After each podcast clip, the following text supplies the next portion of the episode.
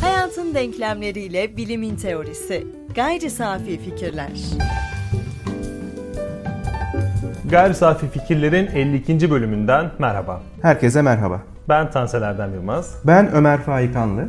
Son bölümlerde konuştuğumuz konular üzerine tartışırken yayın sonrasında bir şey fark ettik. Bilim felsefesi konuşuyoruz ve aslında bilimsel olarak tarihsel olaylara atıfta bulunsak da güncel olaylardaki yansımaları biraz pas geçebiliyoruz. Ee, bu güncel olaylar da aslında öyle basit teknolojik gelişmeler değil. Bu bazı gelişmeler sadece haber bültenlerini değil, bilim teorisi açısından bizi de ilgilendiriyor. Bundan sonra bu bölümden sonra e, denk geldikçe konularımızı somutlaştıracak bu kıvamda gelişmeleri gayri safi fikirlerde irdeleyeceğiz ve bilim felsefesi açısından e, o bölümümüzde aslında ele alacağız.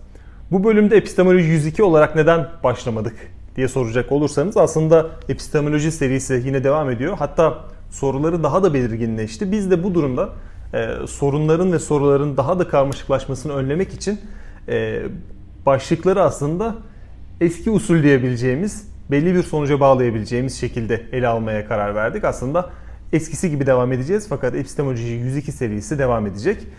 E, 52. programdayız ve bu programda irdeleyeceğimiz başlık biz tarihe odaklanmışken o sırada bilimde neler olduğuna bakacağız ve odaklanacağımız gelişme bu programda irdeleyeceğimiz konuyla birebir ilişkili aslında e, çok güzel denk geldi. Türkiye'de ilk yerli kanser ilacı Boğaziçi Üniversitesi'nde üretilecek. Buna dair bir haberle karşılaştık. E, sıfırdan geliştirilen bir çalışma bu. Bir molekül insanlar üzerinde denenmesi açısından da aslında ilk olma özelliği taşıyor. E, ilaç hakkında e, bu ilacın geliştiricisi Profesör Doktor Sanyal e, açıklamalar yapıyor. E, işte kemoterapi sürecinin yanında devam edecek e, hastalar için her şeyi kolaylaştıracak diyor. Fakat bu ilacın özelliği insanlar üzerinde denenecek ilk ilaç olması ve insanlar üzerinde denenecek ilk kanser ilacı olmasının bizimle ilgisi ne diye düşündüğümüzde e, bilim felsefesinde biz bilimsel teorileri ve insanlığa temas eden bilimsel teorileri araştırırken aslında alternatif tıptan bahsetmiştik ve alternatif tıbba dair bırakınız yapsınlar ne olacak denilen o aşamadan bahsetmiştik. Yani insanların e, tuz zararlıdır, tuz yararlıdır derken rahat davranmasının buyurun birazcık e, çok tuz tüketin sonrasında ne olacak hastalığınız varsa diyerek açıklamıştık. Yani bu da aslında bazı deneylerin kontrollü biçimde insanların sağlıklarını aslında zeval getirmeden yapılması gerektiği üzerine odaklanılmıştı. Burada e, bütün testleri geçen yani faz deniliyor e, ilaç denemelerinde. E, faz 2, faz 3 şeklinde gidiyor ve faz 1 insan üzerinde denemeyi anlatıyor. Türkiye'de faz 3 ve kanser alanında ilk kez Türkiye'de olacak. 6 aylık bir süreç olduğu söyleniyor. Çok fazla diğer fazlarda araştırmalar yapılıyor. Diğer hayvanlar üzerinde araştırmalar yapılıyor. Fakat insan üzerinde denenecek bu ilk kanser ilacının, Türkiye'deki ilk kanser ilacının e, bizim için önemi nedir? Bunu tartışacağız. E, yıllar sonra insan üzerinde denenecek ilk kanser ilacından bahsediyoruz ve benim odaklanmaya çalıştığım ve bizim bugün aslında irdelemeye çalışacağımız soru neden bu tip ilaçların, bu tip uygulamaların ve daha da genel konuşacak olursak bilimsel çalışmaların insanlar üzerinde denenmesi için yıllar geçmesi beklenir. Bunu aslında bilim iktidarını elinde tutan elitler eleştirisiyle de ele alabiliriz. Yani bırakın insanlar üzerlerinde denesinler. Onlar zaten bunu kabul ettiği için ortaya çıkacak sonuçtan da herhangi bir sorunu olmayacaktır. Kişiler yaşamlarını yitirirlerse onların problemidir diyerek o, e, içinden çıkabiliriz fakat çıkmamalıyız. Çünkü bu öyle plasebo etkisi yapan ilaçlara benzemez. Kısa sürede ölümcül etkiler yaratabilir ve e, alternatif tıbbın savunularını şimdilik bir molaya davet ediyoruz ve mevcut duruma biraz daha dikkatli bakmayı öneriyorum. E, ayakları yere basan bir yaklaşımda çalışan bir Kur'an var artık elimizde. Buna Kur'an diyebiliriz. Yani kanser ilacını oluşturan, kanser ilacının ortaya çıkmasını sağlayacak bir çerçeve var, araştırma çerçevesi. Bir iddiası var, kanseri tedavi ettiğini söylüyor. Mevcut tıbbi yöntemlere alternatif olarak ortaya çıkıyor. Alternatif tıp olarak değil fakat mevcut tıbbi yöntemlerin çözüm üretemediği hatta net olarak bir çözümünün olmadığı düşünülen bir konuda ortaya çıkıyor. Alternatif de diyemeyiz çünkü ortada Thomas Kuhn'un deyimiyle bir yetkin yok zaten. Onların üzerine bir yetkin olma iddiasıyla ortaya çıkıyor ve iddiasını deney ve gözlemlerle tutarlı biçimde ortaya çıkarıyor. e, insanlar üzerine denenmesi için de izin alınıyor. Şimdi neden ilaçların uygulamaların ve daha geniş anlamda bilimsel fikirlerin, bilimsel uygulamaların kabul edilmesi sürecinin böyle yıllar aldığını, çok uzun süreçler boyunca gerçekleştiğini biraz bilimsel sağlamlık odağında soruşturmaya başlayalım diyeceğim. Ee, şimdi şöyle bir hemen toparlayayım. Ee, bu ilaç bildiğim kadarıyla yani biz tabii basından öğrendik, takip ettik. Türkiye'de üretilen ve geliştirilen ve insan üzerinde denenme aşamasına gelen ilk ilaç. ilk kanser ilacı daha doğrusu. Bu anlamda e, çok umut vaat ediyor ve önemli bir adım atılıyor. E, burada iki şey sorabiliriz senin sorunla da ilişkili olarak. Bir e, ilacın insanlar üzerinde denemeye geçme süresini ne belirler? Hangi koşullar belirler? İki tane koşul aslında veya iki tane etken belirleyebiliyoruz. Birincisi etik sınırlar, ikincisi de aslında epistemolojik sınırlar.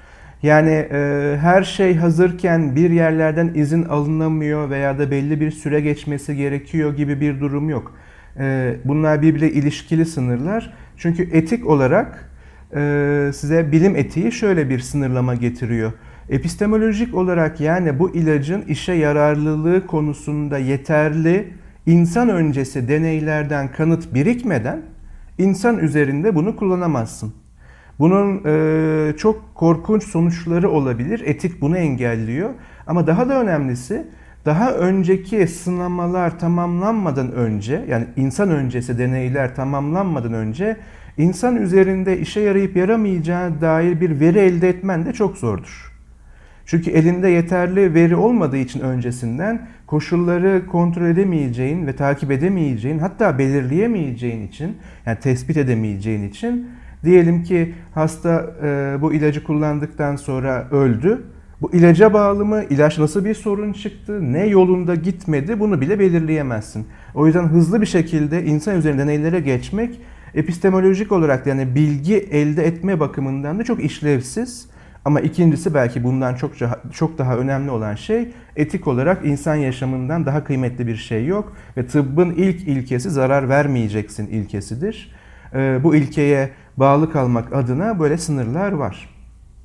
Şimdi bu konuda epistemolojik boyuta geçmeden önce birini daha önce burada programlarımızdan birinde söylemiştik ama şimdi birleşik olarak e, Birleşik Krallık'ta ve Birleşik Devletler'de iki tane birleşik e, yapıdan bahsedeceğiz olan bu tıpla ilgili gelişmelerden. Amerika Birleşik Devletleri'nde 1990'lı yıllarda Ortodoks, empirik, çifte, kör kontrollü laboratuvar deneylerine dayalı bilimin hastalıkları anlama ve tedavi etme konusunda gösterdiği ağır ilerlemeden hoşnutsuzluk duyan gruplar ile deneysel olmayan şu ya da bu yaklaşımda hastalıkların nedenleri ile tedavi şekilleri hakkında önemli e, ve tedavi açısından yararlı bilgilerin var olduğuna inanan gruplar arasında bir ittifak kuruldu.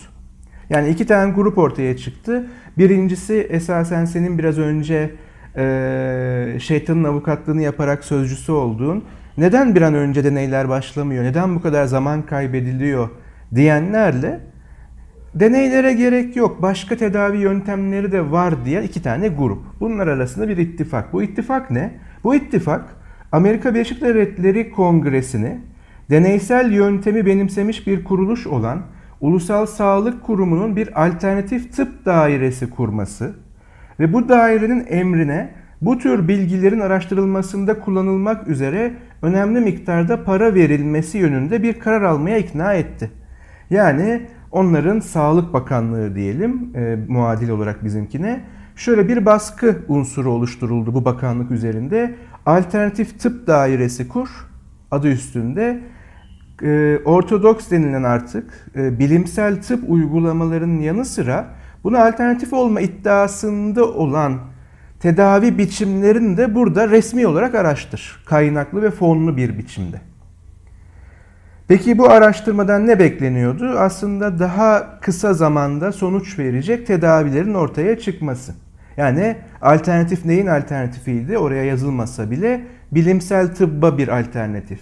Tabi bu bana hemen e, resmi tarih, alternatif tarih gibi bir ikilemi getirdi. Aslında burada resmi tıp, alternatif tıp, resmi tarih, alternatif tarih diye bir şey söz konusu değil. Bilimsel tıp ve onun alternatifi olabilir mi? Bilimsel tarih yazımı ve onun alternatifi olabilir mi? Ve e, alternatif neden bilimsel ön ekini alan araştırma biçiminden daha doğru sonuç verecek bunu gösterebilir mi soruları. Şimdi biz tekrar vakamıza geri dönelim. Bu ittifakın üyeleri bazı tedavi edici maddelerin ancak ve ancak hastanın ve veya doktorun hastanın bu gibi ilaçlarla tedavi edildiğini bilmeleri, dahası bu ilaçların etkili olduğuna inanmaları durumunda etkili olduğunu veya işe yaradığını öne sürmektedirler. Onlara göre ne hastanın ne de doktorun hastanın ilaç mı yoksa plasebo mu aldığını bilmediği kontrollü bir deney tedavinin etkililiğini sınamak için kullanılamaz. Böylesi bir kontrollü çifte kör deney etkililiği bilimsel olarak değerlendirmemizin biricik yolu ise ki öyledir. Bundan şu sonuç çıkar. Alternatif ilaçlar hakkındaki iddialar bilimsel bir değerlendirmenin kapsamı dışındadır. Bu görüşün savunucuları buradan hareketle bu tür ilaçlar hakkında bilgi arayışına girmek bilimsel olamaz demektedirler. Yani şöyle tekrar açıklayalım. Ee, iki grup oluşturulur, en az iki grup. Bunlardan birine gerçek ilaç verilir. Diğeri yine gerçek ilaç aldığını düşünmektedir. Ancak ona sahte bir ilaç, etkisiz bir ilaç verilir ve kontrollü bir şekilde sonuçlar takip edilir. Eğer ilaç almamış grupta da bazı değişiklikler oluyorsa bu ortaya çıkan sonuçların bir korelasyon yani denk gelme olduğunu gösterir. Verilen ilaçla tedavi arasında nedensel bir ilişki yoktur veya bu konuda bir şüphe doğmaktadır. Bu bilimsel kontrollü bir deneydir ve çok daha karmaşıktır esasında. Ama karşı grup diyor ki aslında e, bu ilacın işe yaramasının yani kendi oluşturduğu ve hastaya verdiği ilacın işe yaramasının koşullarından biri hastanın her durumda bu ilacı aldığını bilmesi, doktorun da aynı şekilde bu ilacın uygulandığını bilmesi, ek bir koşul daha var. Hastanın bu ilaçla iyileşeceğine inanması. Şimdi neden bu sınanabilir değil? Şimdi olası sonuçları bir takip edelim. Hasta bu ilacı aldı. Hani alternatif tıp adı altında üretilmiş bu ilacı aldı. Koşul şu. İyileşeceğine inanman lazım bu ilaçla. Sonuç olumsuz. Hasta iyileşmedi. Neden? İlaç mı işe yaramadı? Hayır. Hasta yeterince inanmadı. Peki şöyle düşünelim. Yeterince inanmanın somut belirtisi, ölçüsü ne? Yeterince inanmanın ölçüsü ne? Şimdi dikkat edersek bunun somut bir belirtisi olmadığı gibi bir ölçüsü de yok. Yani her işe yaramadığı durumda ben bu ilacın üreticisi, satıcısı, bunun altını çiziyorum ve uygulayıcısı olarak yeterince inanmadım dediğim zaman ilaç işe yarıyor ama sen yeterince inanmadın. Şimdi alternatif böyle bir alternatif. Ama Amerika Birleşik Devletleri'nde 1990'lı yıllarda gerçekten böyle bir uygulamanın veya buna benzer uygulamaların devlet desteğiyle yapılabilmesi için baskı grupları oluşturuldu. Şimdi bu ülkemizde çok yabancı olan bir şey değil. Ee, çünkü burada temel bir sorun var. Bu tip bir uygulama veya uygulama grubu bizim biraz önce büyük bir iftiharla bahsettiğimiz Türkiye'de üretilen ve geliştirilen ve insan üzerinde denenme aşamasına gelen ilk kanser ilacından farklı olarak sınanabilir değil. Ama bu devlet eliyle e, uygulanmaya başlanırsa eğer Amerika Birleşik Devletleri'nde önerildiği gibi işte bu Türkiye'de üretilen ve geliştirilen ilk kanser ilacına ayrılan paradan eksiltilerek yapılacak. Şu kaynak sınırlı. Buraya giden para aynı kalacak ve oraya ekstra bir kaynak harcanmayacak. Kaldı ki böyle olsa bile oraya verilen ekstra kaynak bir yerlerden kısılıyor olacak. O zaman epistemolojik olarak sınanamaz. Yani bilgi olup olmadığı konusunda asla nesnel bir karar verilemez bir şeye para harcamakla epistemolojik sınırlar dahilinde rüştünü ispat etmiş yani işe yaradığını bilgi bazlı olarak ortaya koymuş ve koyabilmiş bir ilaç arasında seçim yapma noktasındayız. Fark ne?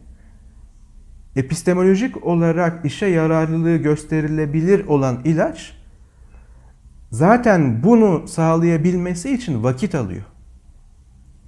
Oysa biz geçen programlarda söylemiştik hepimizde böyle bir acelecilik var. Bu belki de yine bilgiyle olan ilişkimizde çoktan seçmeli sınavların getirdiği bir yan etki de olabilir.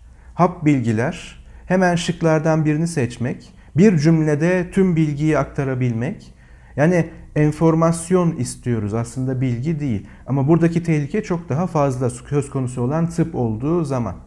Şimdi ikinci bir örnek verip e, devam edelim. İkinci Birleşik Devlet'e gidiyoruz. Birleşik Krallık'ta yani İngiltere'de 2000'li yıllarda Ulusal Sağlık Örgütü'nün giderek azalan fonlarından homeopatik tedavilere hala kaynak ayırmasının doğru olup olmadığı konusunda bir tartışma koptu.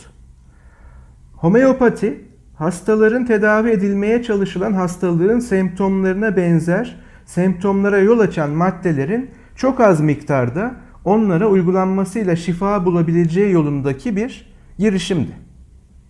Kontrollü deneylerin bu tür maddelerin etkililiğinin çok daha ucuz plaseboların sağladığından daha iyi olmadığını ve analitik kimyacıların homeopatistlerin savunduğu ilaçları çözeltilerde tespit etmenin mümkün olmadığını, bunun da kuramın gerektirdiği şeye aykırı olduğunu tanıtlamalarından sonra bile bu uygulamanın savunucuları özellikle de aldıkları hizmetin parası Ulusal Sağlık Örgütü tarafından ödenen uygulayıcılar kendi kuramlarının bu kuramın onay verdiği tedavi şekillerinin bilimsel olduğunu ısrarlı bir şekilde e, savunmaya devam ettiler. Yani homeopati kabaca şöyle bir şey.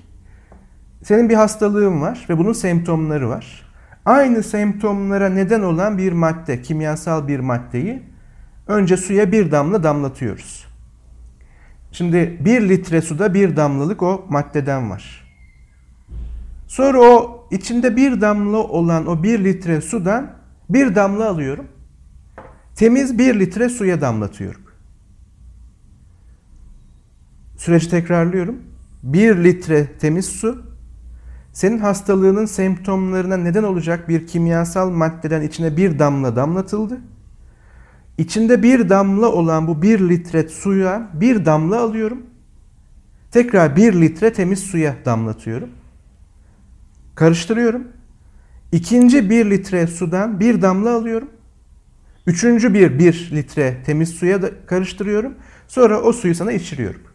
Ve bu seni iyileştirecek. Bilimsel bir yöntem de var. Yani ortada bir yöntem var bunu savunanlar için. Şimdi birincisi tıp hekimleri diyor ki bu bir litreye damlatılan bir, bir damladan aldığın bir damlayı başka biriye damlattın, karıştırdın, oradan bir damla aldın, öbürüne karıştırdın dediğin şey basit bir plasebo. Yani hiçbir şey vermemekle ki daha ucuz o plasebo eğer maddiyatla ölçeceksek hiç farkı yok. Ama daha da önemlisi analitik kimyacılar diyor ki bu kadar çözeltide üçüncüde artık ondan eser miktarda bile tespit etmen imkansız neredeyse. Peki bu nasıl seni iyileştiriyor? Nasıl nedensel bağ kuruyoruz? Yani temiz bir bardak veya bir litre su içmekle üç defa birer damla birer damla karıştırılarak oraya getirilen arasında neredeyse hiçbir fark yok. Ama dikkat edelim burada da özellikle bu hizmetin parasını devletten veya bu kurumlardan alanlar buna karşı çıkıyor.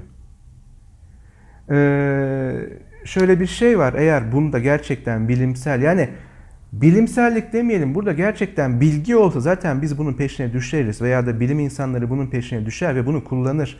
Neden böyle bir yöntem varken başka bir yöntem kullansınlar ki? Şimdi burada bizim esas epistemoloji 102 ile ilgili olan kısma bir bağlantı yapalım. Sonra topu sana atayım. Şimdi elimizde Türkiye'de üretilmiş ve geliştirilmiş ve tüm bilimsel yöntemlerle belli bir seviyeye getirilmiş, elde belli bir veri ve neden sonuç ilişkilerine dair bir kavrayış oluşturulmuş bir ilaç var ve bu bir sonraki aşama olan insan üzerine deneme aşamasına gelmiş. Bakın burada hemen dinleyeceğine söyleyelim belki bu da uzun sürecek. Yani e, bilim haberciliğindeki işin doğasında olan ama saptırıcı bir şey vardır.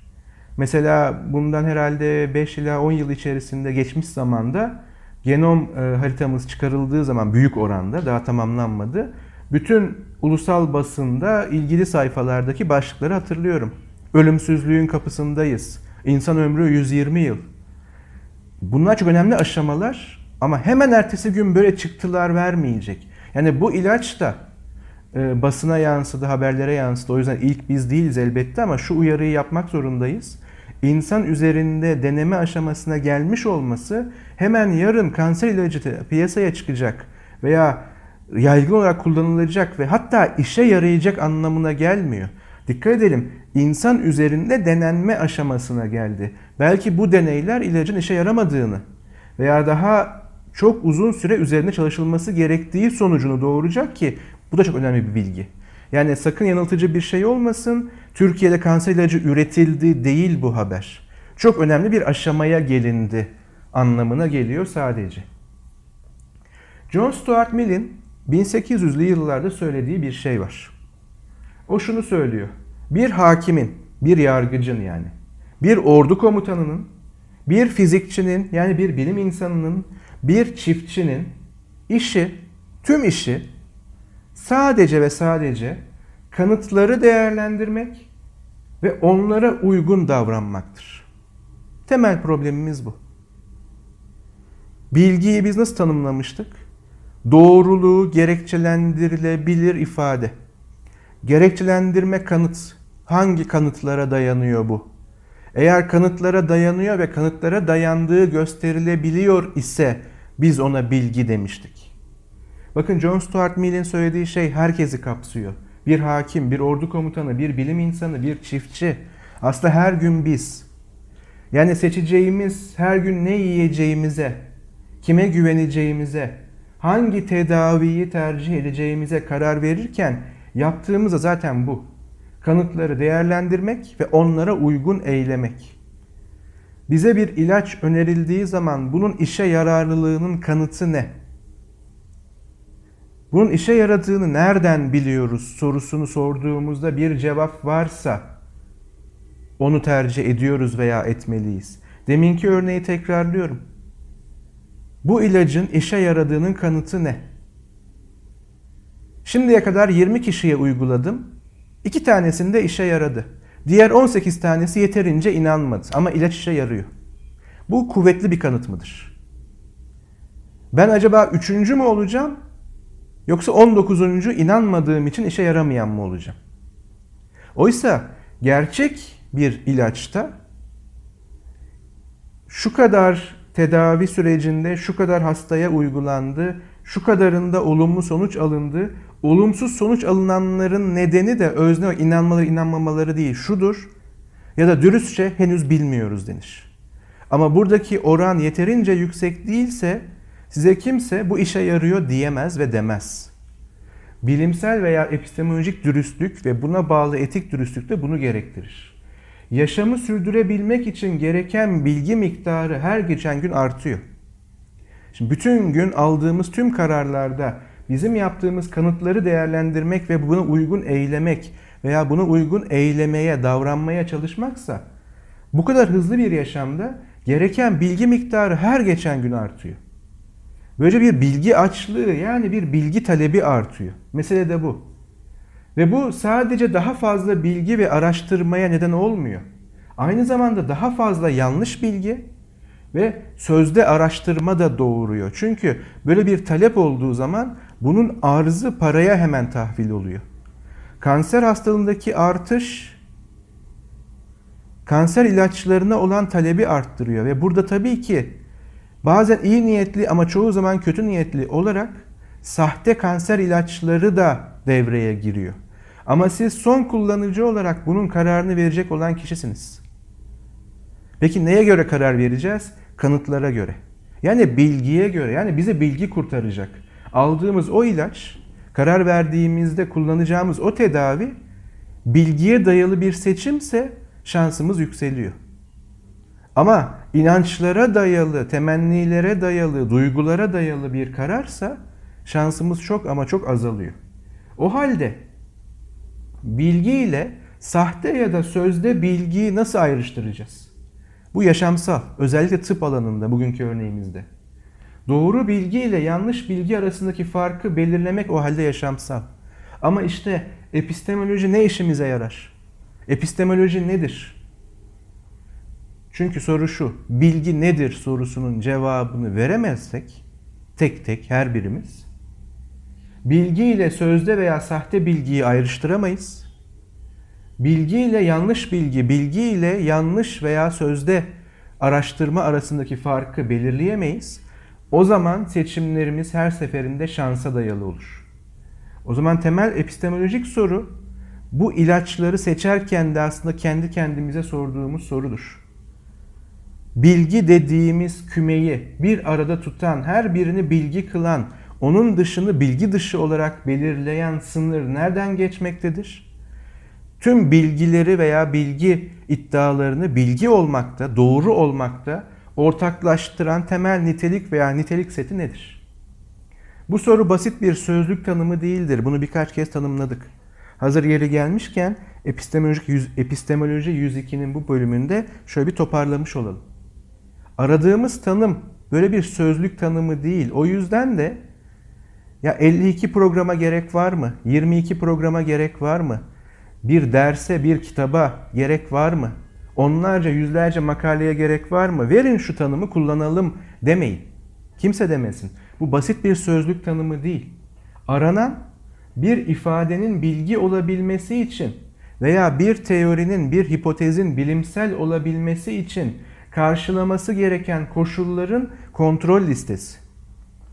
Hangi ortak koşullar sağlandığında bir ifade veya bir teori bilgi olmaktadır? Ki bu koşullar sağlanmadığında ifade veya sözde teori bilgi dışı kalmaktadır. Açık bir tanım yani bu anlamda epistemolojik yani felsefi bir tanım bir şeyin, olayın, durumun, sürecin ya da özelliğin tanımlanan terimin bir örneği olmasının zorunlu ve yeterli koşullarını verir. O halde bir ifadenin bilgi olabilmesi için tek tek zorunlu ve hep birlikte yeterli koşullar kümesini arıyoruz epistemolojide. Tek tek zorunlu ve hep birlikte bilgi olması için bir şeyin yeterli koşullar nedir? İşte bunların en başına belki de sınanabilirliği koyuyoruz. Bu sınanabilir bir ifade mi?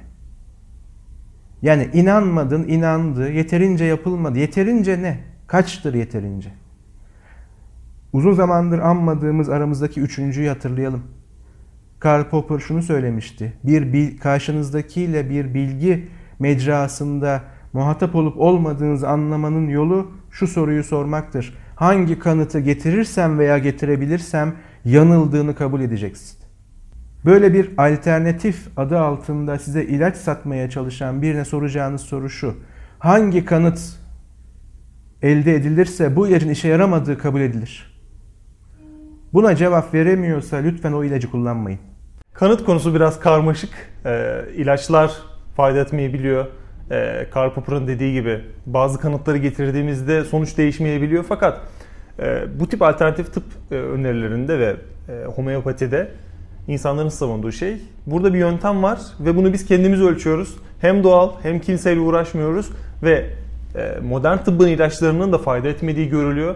Ki aslında bu çok normal çünkü e, dozları ona göre ayarlandığı için, belli bir sınırlara göre ayarlandığı için aslında uzun vadede çözüm üreten ilaçlar oluyor genel olarak e, yetkinliği kanıtlanmış ilaçlar ve insanlar da iyileştikten sonra e, sanırım o modern tıbbın onu sunduklarını, onları sunduklarını biraz da küçümseme eğiliminde oluyorlar. Anlık bir çözüm olsun, o da bizden olsun demek istiyorlar.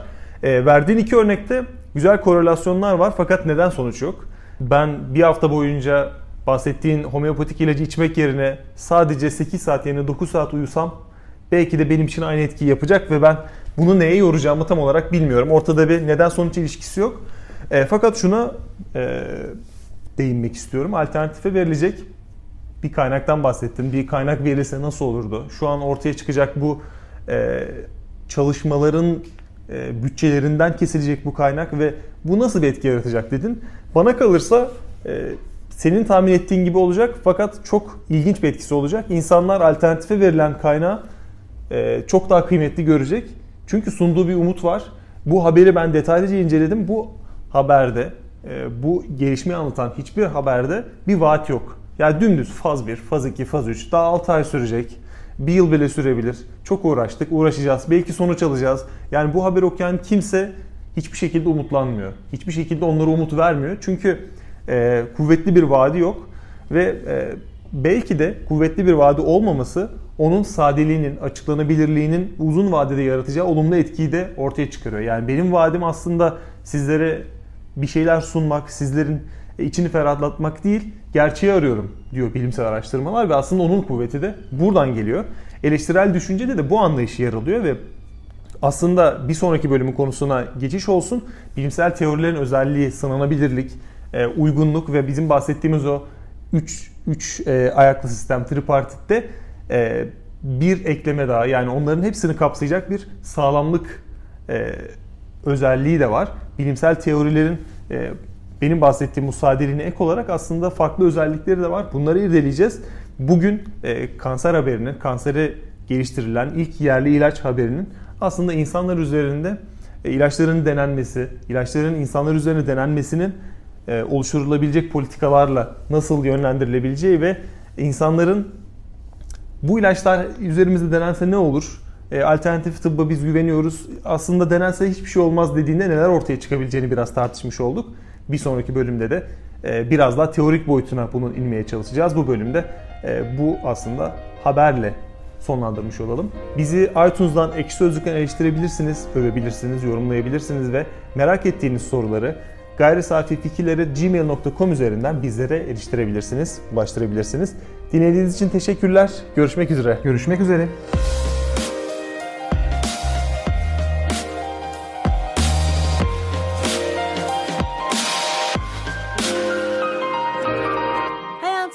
Hayatın denklemleriyle bilimin teorisi. Gayri safi fikirler.